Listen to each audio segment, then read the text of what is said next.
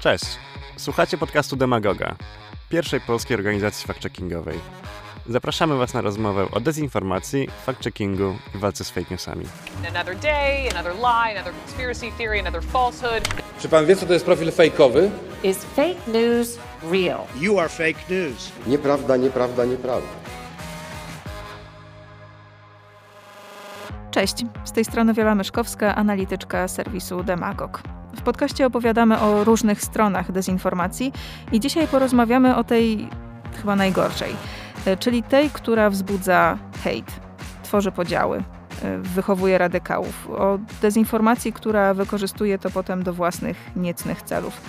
A naszym gościem jest Michał Radomił Wiśniewski, publicysta, pisarz, autor książek Wszyscy jesteśmy cyborgami, jak internet zmienił Polskę i książki, która ma swoją premierę w tym tygodniu. Zabójcze aplikacje, jak smartfony zmieniły nasz świat. Dzień dobry. Dzień dobry. Jeśli powiem, że jesteś też historykiem albo e, kronikarzem internetu, to dobrze cię przedstawię? E, lubię o sobie myśleć o, jako o takim badaczu e, kultury internetowej. No właśnie, bo brałeś udział w, aktywnie, tak powiedziałabym, w początkach tej kultury internetowej w Polsce, ale to nie wypominając nikomu wieku, bo ja też bym spokojnie mogła usiąść obok ciebie na tym bujanym fotelu i wspominać, bo na przykład pamiętam, e, czym był Liternet. E, no i może zaczniemy od takiego pytania troszeczkę wpisującego się w nurt OK Boomer, e, czyli fakty czy faktycznie kiedyś było lepiej? Jeśli chodzi o e, zachowanie w internecie, jeśli chodzi o e, wyrażanie swoich poglądów, o dyskusję? E, nigdy nie było lepiej, mam wrażenie, tylko lubiliśmy sobie myśleć, że było lepiej. Pamiętam po prostu ten pierwszy taki internet. Musimy wiedzieć o tym, że on nie był dostępny dla każdego. Pierwszy internet był bardzo takim elitarnym miejscem, bo dostęp do sieci wtedy miały uczelnie, dostęp miały firmy, Czyli można było, jeśli wchodziliśmy do Usenetu, gdzie odbywały się wtedy dyskusje, to wiadomo było, spotkamy studentów, spotkamy dziennikarzy, spotkamy naukowców.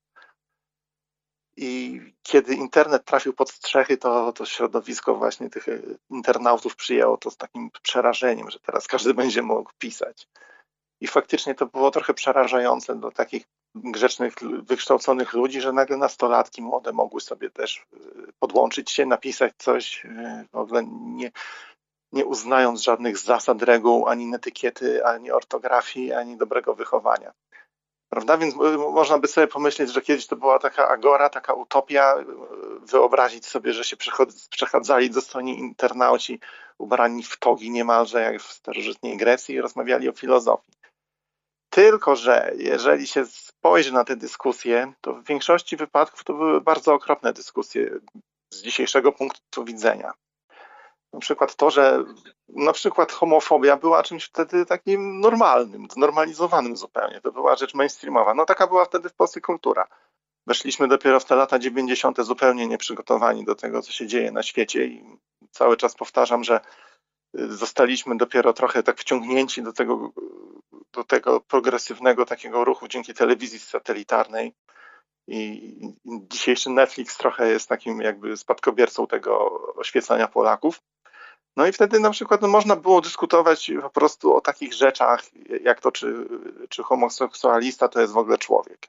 I takie dyskusje były prowadzone przez tych bardzo grzecznych ludzi. To były i, i, i, wszyscy wtedy byli bardzo grzeczni, dyskutując o różnych obrzydliwych dla mnie sprawach, po prostu, bo, bo, bo to byli wszystko tylko bardzo kulturalni ludzie. Dzisiaj to by nie przeszło, Dzisiaj na Twitterze, który na przykład na Twitterze albo na TikToku, gdzie jest pełno bardzo progresywnej młodzieży, która już nie wyrosła z tym takim bagażem polskiego konserwatyzmu, bo się właśnie wychowała na Netflixie i po prostu też na kontaktach z młodzieżą z całego świata.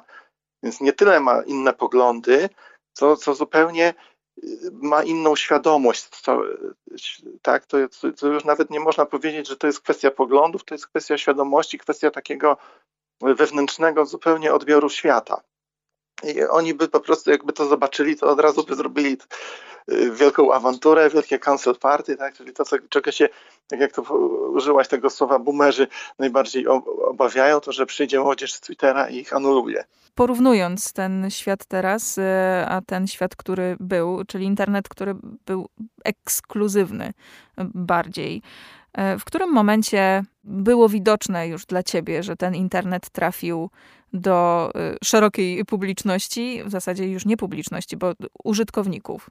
To były dwa takie momenty. To pierwszym momentem był ten numer dostępowy telekomunikacji polskiej, kiedy już można było sobie podłączyć internet w domu jeszcze przez telefon, czyli to taki był bardzo skromny dostęp na, na kilka minut dziennie głównie.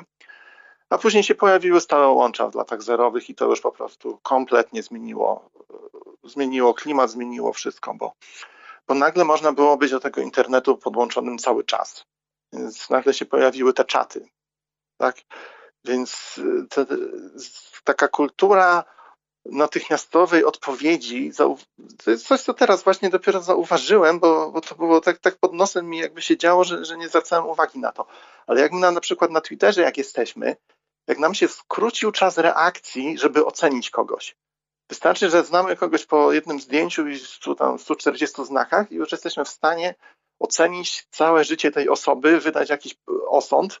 Ktoś pisze o jakimś problemie, swoim jakimś doświadczeniu i nagle tam się zjawiają po prostu dziesiątki jakichś wujków dobra rada, które mówią, trzeba to było się tak zachować, popełniłeś taki błąd.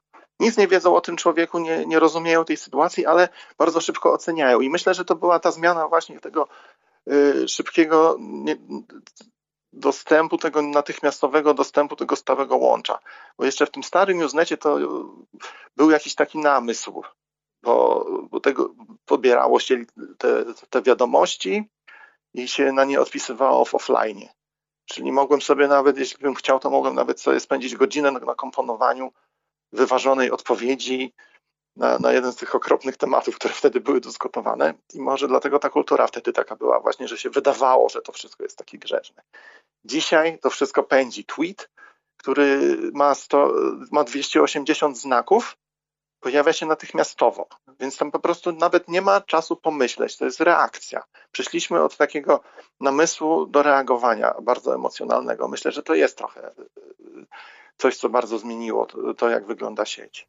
I to też jest jedna z tych rzeczy, które napędzają dezinformację, oczywiście. Tak, razem z szybkim łączem, razem ze stałym łączem pojawił się nadmiar informacji, czyli to, co Stanisław Lem nazwał e, bombą megabitową.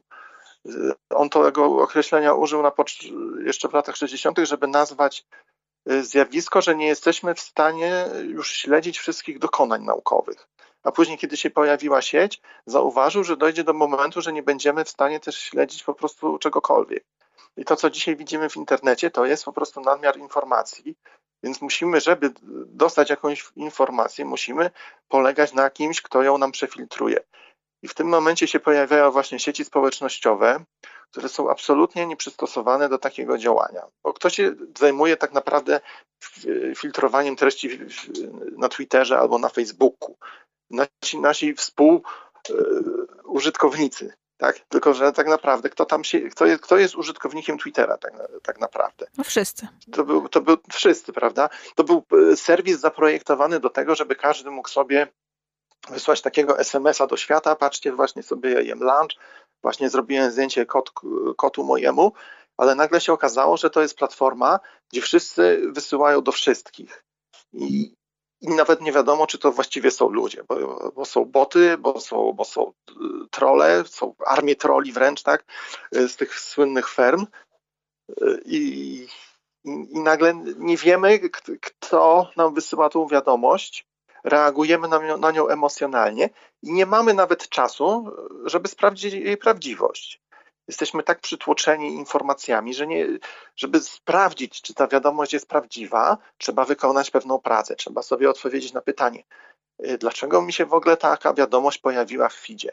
Dla, komu by zależało, żebym ja ją dostał? Czy ona jest prawdziwa? Czy to zdjęcie, które widzę, było w ogóle zrobione w tym tygodniu, czy, czy pięć lat temu? Czy podpis pod zdjęciem jest prawdziwy? I to wszystko jest do zrobienia. Zdjęcie sobie można spra- wygooglać, tak? sprawdzić, czy to jest, czy nie pojawiło się wcześniej już gdzieś kiedyś indziej. Można sprawdzić tą osobę, która wkleiła, co, co jeszcze innego y, wrzucała, tak? jakie, rodzaju tre, jakie rodzaju treści wrzuca.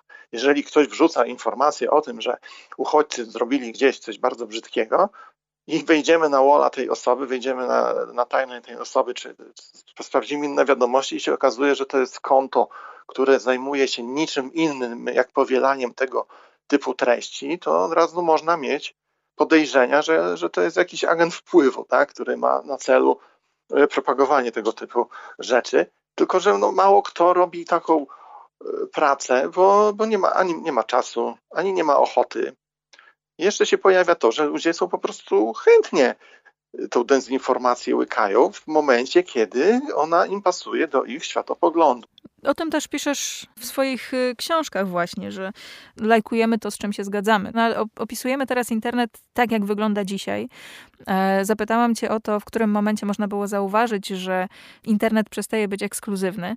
A teraz y, chciałabym cię zapytać, czy był taki moment przełomowy, jakiś taki zwrot akcji, w którym w internecie pojawiły się zachowania o wiele bardziej radykalne niż były wczoraj, przedwczoraj, tydzień temu? Czy to raczej narastało z wprowadzaniem kolejnych elementów naszej kultury internetowej w stylu lajki, w stylu bazowania na emocjach, w stylu e, algorytmy itd., tak itd., tak upraszczanie treści?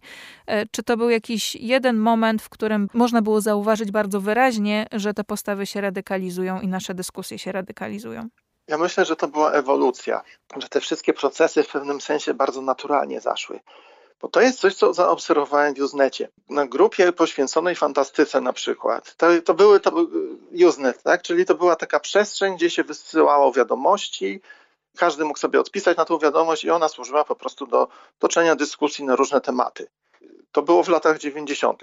w Polsce, prawda? Sam koncept to sięga tam końca lat 70 w latach 90. pojawia się w Polsce internet, pojawia się Usenet, pojawiają się grupy tematyczne, gdzie po prostu można było, super sprawa, y, spotkać ludzi, którzy się interesują tym samym, czy anime, czy fantastyką, czy kinem, czy samochodami. Po prostu każda jakby taka mainstreamowa lub taka trochę niszowa tematyka miała swoją grupę w Usenecie.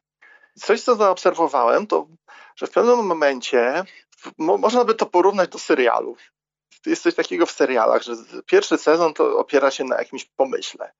Mamy jakiś pomysł, czyli mamy jakieś zainteresowanie, ale to przez kilka następnych sezonów się okazuje, że ludzie się bardzo przyzwyczaili do tych postaci i już główną treścią nie jest ta, ta idea, która stała u podstaw tego serialu, tylko związki międzyludzkie. To samo było w Usenecie. Te wszystkie grupy które się na początku opierały na zainteresowaniach, na, na końcu okazywało się, że bardzo tak grawitują w stronę lifestyle. Ludzie tam się kłócili dosłownie o swoje wybory życiowe.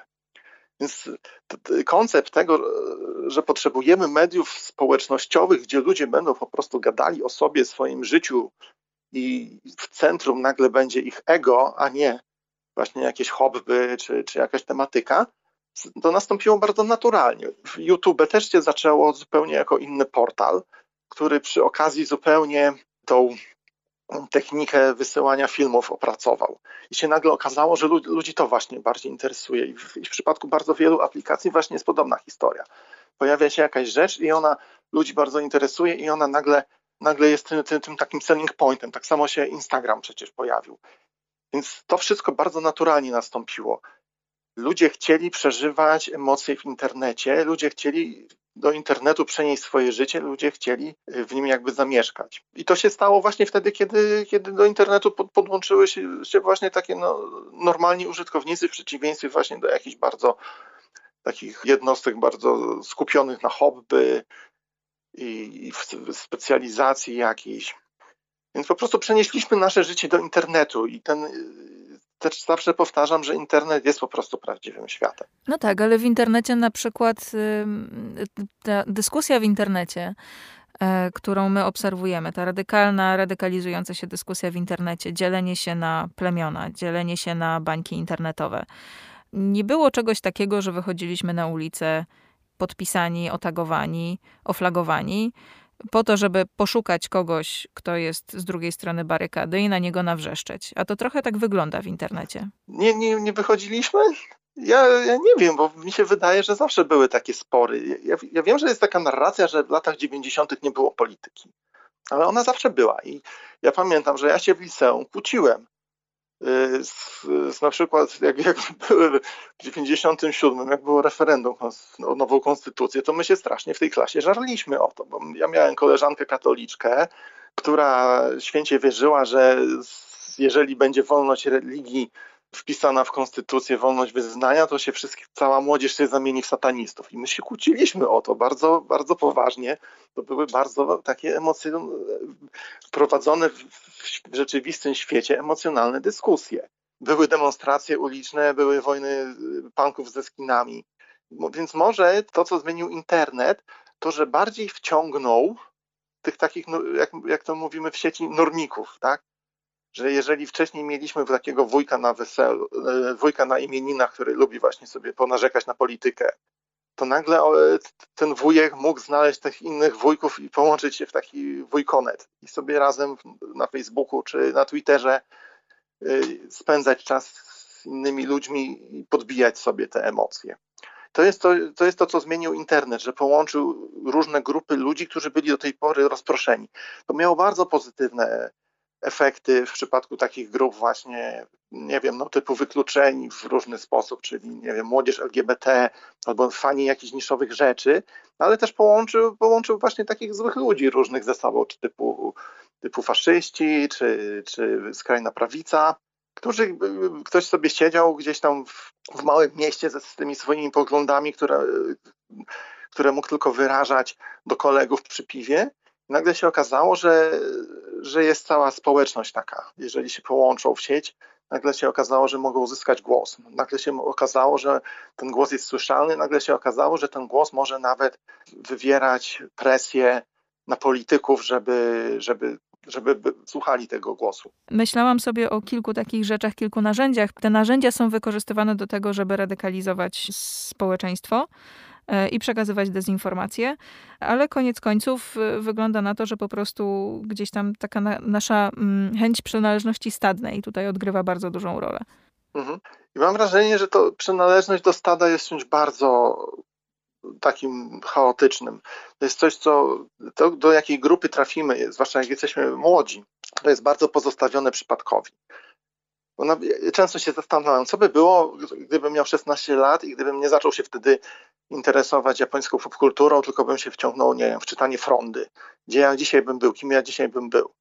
Gdybym wtedy został takim właśnie młodym prawicowcem, zaczął nosić y, krawat zamiast, zamiast t-shirta, nosić teczkę za jakimś, może dzisiaj bym był politykiem.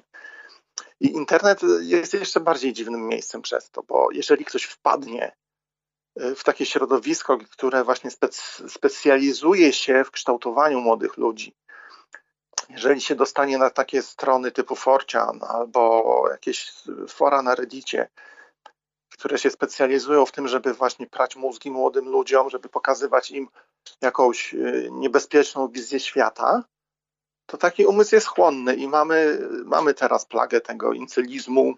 Przy czym ja używam tego określenia nie jako, nie jako tej przypadłości, że ktoś sobie nie może znaleźć partnera, ale jako e, tej grupy po prostu młodych mężczyzn i starszych mężczyzn, którzy nienawidzą kobiet i, widzą w nich e, wszelkie źródło zła i osobistych porażek. My tutaj mówimy o kilku rzeczach. E, tak jak już wspomniałeś też o emocjach, tak? że internet bazuje na emocjach, o tym, że gdzieś tam się sami staramy konsolidować w takich grupach. E, flagujemy się przecież w, nie wiem, na przykład w biogramie na Twitterze e, emotki zastępują właśnie, bar, mogą zastąpić bardzo wiele, możemy się określić przy pomocy emotek, tak? Czy, nie wiem, czy jesteśmy patriotami, czy, czy bardziej coś innego tworzy tę naszą e, tożsamość, podstawę tej naszej tożsamości. Czy to jest ten moment, w którym to robi więcej dobrego czy złego? Czy to bardziej nas zrzesza, zrzesza ku dobremu, czy bardziej nas zaczyna dzielić, nastawiać przeciwko sobie? Ja w ogóle bardzo nie lubię Twittera i uważam, że w obecnej formie on jest nieużywalny. I akurat to, że tam każdy się deklaruje, kim jest, to od razu pokazuje, czy w ogóle z taką osobą warto wchodzić w interakcję. A to dobrze? Wydaje mi się, wydaje mi się że to jest dobre. Bo Twitter jest, jest miejscem, na którym nie powinno się w ogóle wchodzić w żadne interakcje. On nie został zaprojektowany do tego i, i on ewoluował w taką formę, która się w ogóle do takich rzeczy nie nadaje. To jest prosty test. Wejdźmy na, na konto dowolnego polityka, nieważne z jakiej opcji, i przeczytajmy komentarze do dowolnego wpisu. To zawsze będą jakieś skrajne emocje, które w ogóle nie służą jakiejś dyskusji.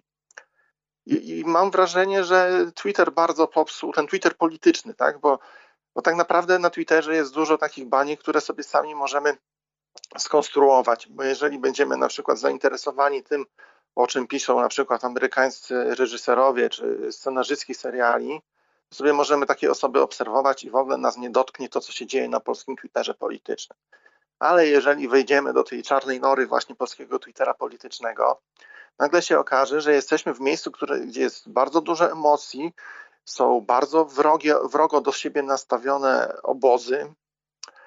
I, i, te, i, te, I, kształt tych obozów to jest coś, co mnie bardzo niepokoi, bo tam bo dochodzi, przez to, że to jest tak bardzo oparte na emocji, tak bardzo oparte na tej chęci przynależenia i tego, żeby ktoś potwierdził, że ja mam rację w tym, co piszę, że mamy tam poważnych polityków, poważnych dziennikarzy, jakiegoś trolla amatora, jakiegoś trolla zawodowego i oni wszyscy się poklepują po pleckach. I ja sobie myślę, no, to nie jest miejsce, w którym ja bym chciał być.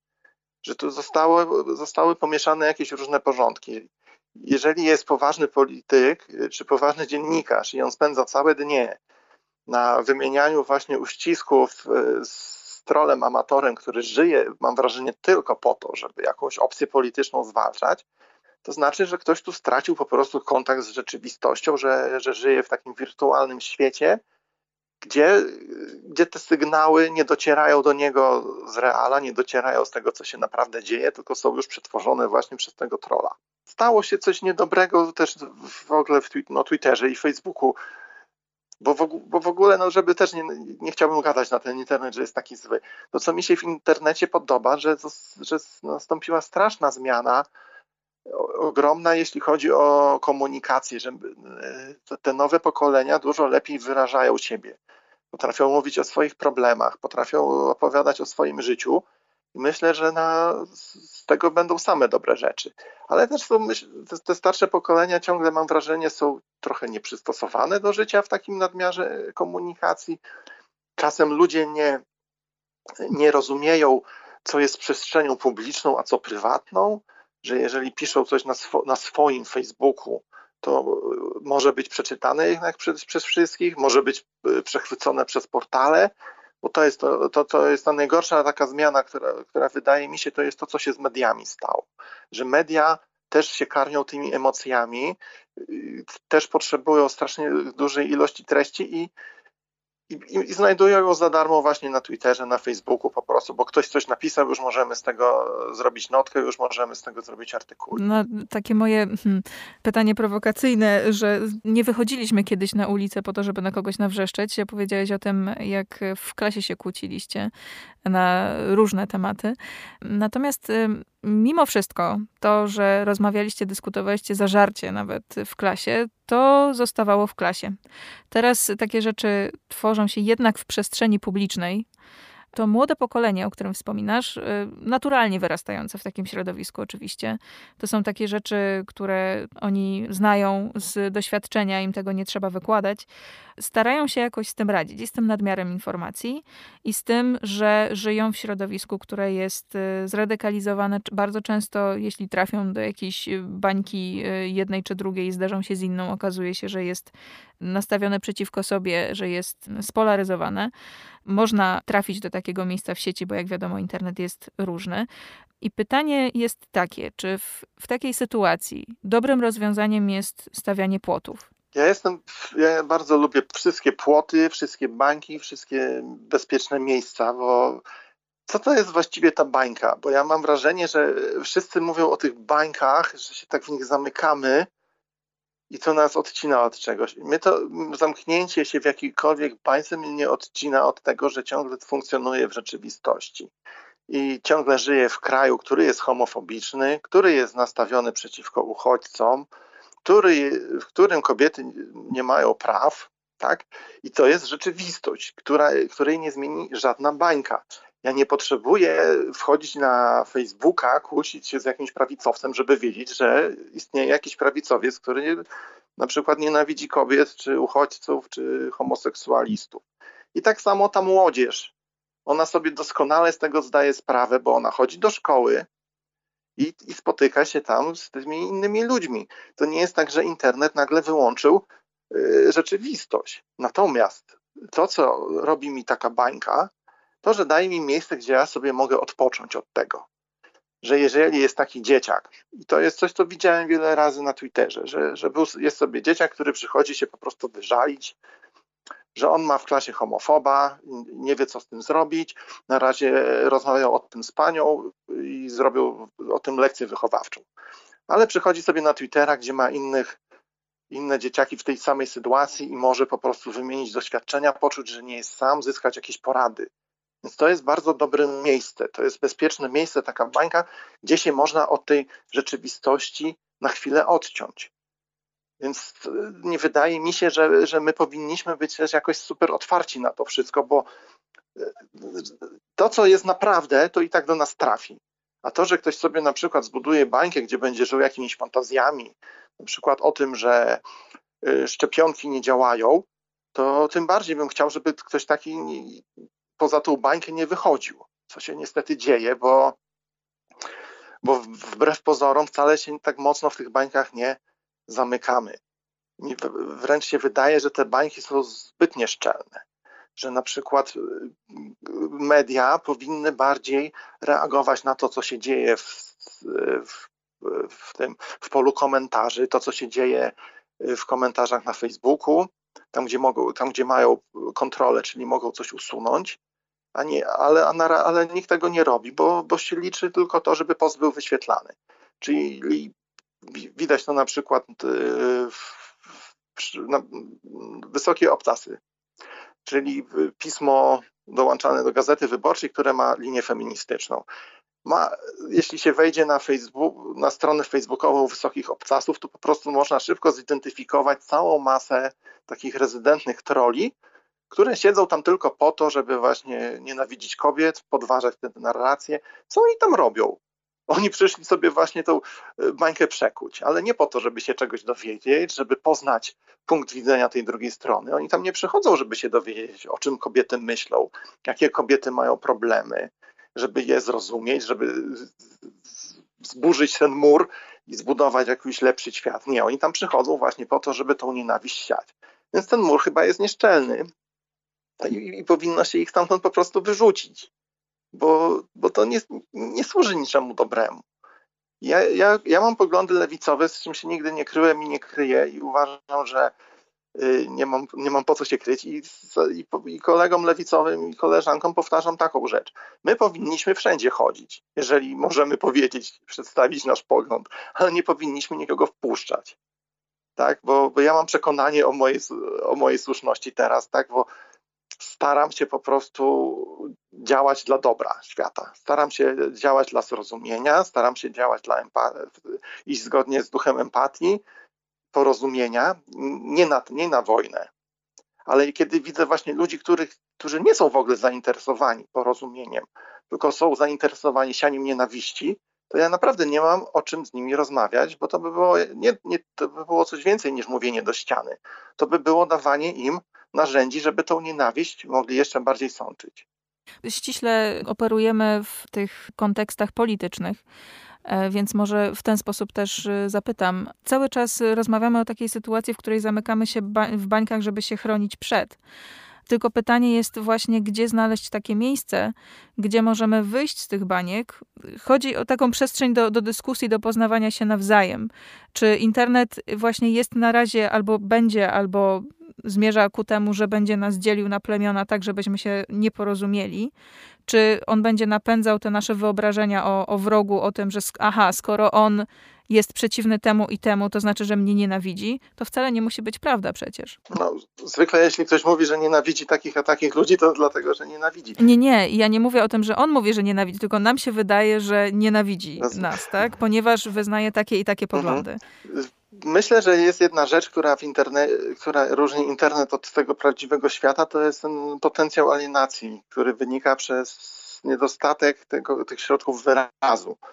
Że jeżeli ja napiszę tweeta, który ma 280 znaków, to ja tam nie jestem w stanie zawrzeć ani tego spektrum całego tych emocji, które mam to pisząc, ani to jest strasznie wydestylowana rzecz. I samo, sam fakt, że nie widzimy ludzi, tylko widzimy litery, że nie widzimy ludzi, tylko widzimy awatary, czy, tak, czy jakieś zdjęcie nieruchome, sprawia, że nie, nie, traktujemy tego jak ludzi.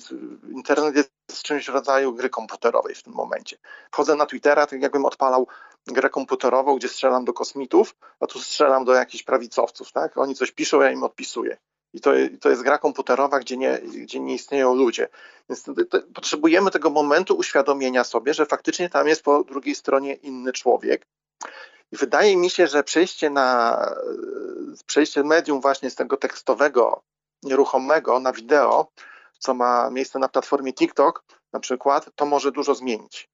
Bo tam się nagle okazuje, tam się robi przestrzeń, gdzie można spotkać bardzo dużo ludzi którzy, są, którzy kręcą krótkie filmiki w swoich e, sypialniach, w swoich domach, którzy opowiadają o swoim życiu. Jeżeli będziemy chcieli e, posłuchać, co ma ten ktoś do powiedzenia, żeby, gdzie może opowiedzieć właśnie jakąś historię ze swojego życia, wyjaśnić nam to, gdzie widzimy jego twarz, jego emocje, jego, jego mowę ciała po prostu, gdzie możemy zobaczyć na przykład, jak osoby z niepełnosprawnościami sobie radzą z tym, gdzie, gdzie ludzie mają przestrzeń, żeby szczerze właśnie pokazać coś. Jest dziewczyna na przykład, która opowiada o tym, jak żyje po amputacji i jest kompletnie szczera w tym, nie, boi, nie odmawia odpowiedzi na żadne pytania. Przychodzą ludzie po prostu zaciekawieni, prawda, bo to jest ta, taka ludzka ciekawość, jak, jak to możliwe jest, jak ona żyje. I ona im po prostu pokazuje, w jaki sposób zakłada protezę. I to wszystko jest nakręcone, to można zobaczyć. I ten dystans nagle się strasznie skraca bo już uczestniczymy w czymś tak intymnym, że już tutaj nie można po prostu tego człowieczeństwa odmówić, bo jest nam podane po prostu przed nos. I myślę właśnie, że w tym takim w tej zmianie medium od tego alienującego, takiego tworzącego ogromny dystans tekstu i statystyczności właśnie w stronę takiego e, doświadczania czyjegoś życia z bliska, to jest coś, co może nam pomóc. To jest coś, co może zmienić sieć. To tak na koniec, żeby tak tę rozmowę podsumować. Jak e, byś, e, co byś powiedział na temat używania sieci? Tak, żeby się nie radykalizować jednak, tak, żeby e, rozmawiać z ludźmi, żeby ten dialog trwał i żebyśmy się nawzajem poznawali. Jakie są takie dwie, trzy najważniejsze rzeczy, żeby zachować y, mniej emocji, a więcej, więcej rozmowy. Ja bym na początek radził wszystkim, żeby nie gadali, nie gadali z trollami. Jeżeli widzą, że ktoś próbuje nawiązać rozmowę tylko po to, żeby po prostu zrobić komuś przykrość, jeżeli widać, że, że nie interesuje go rozmowa, nie interesuje go poznanie drugiej strony, nie warto z kimś takim rozmawiać.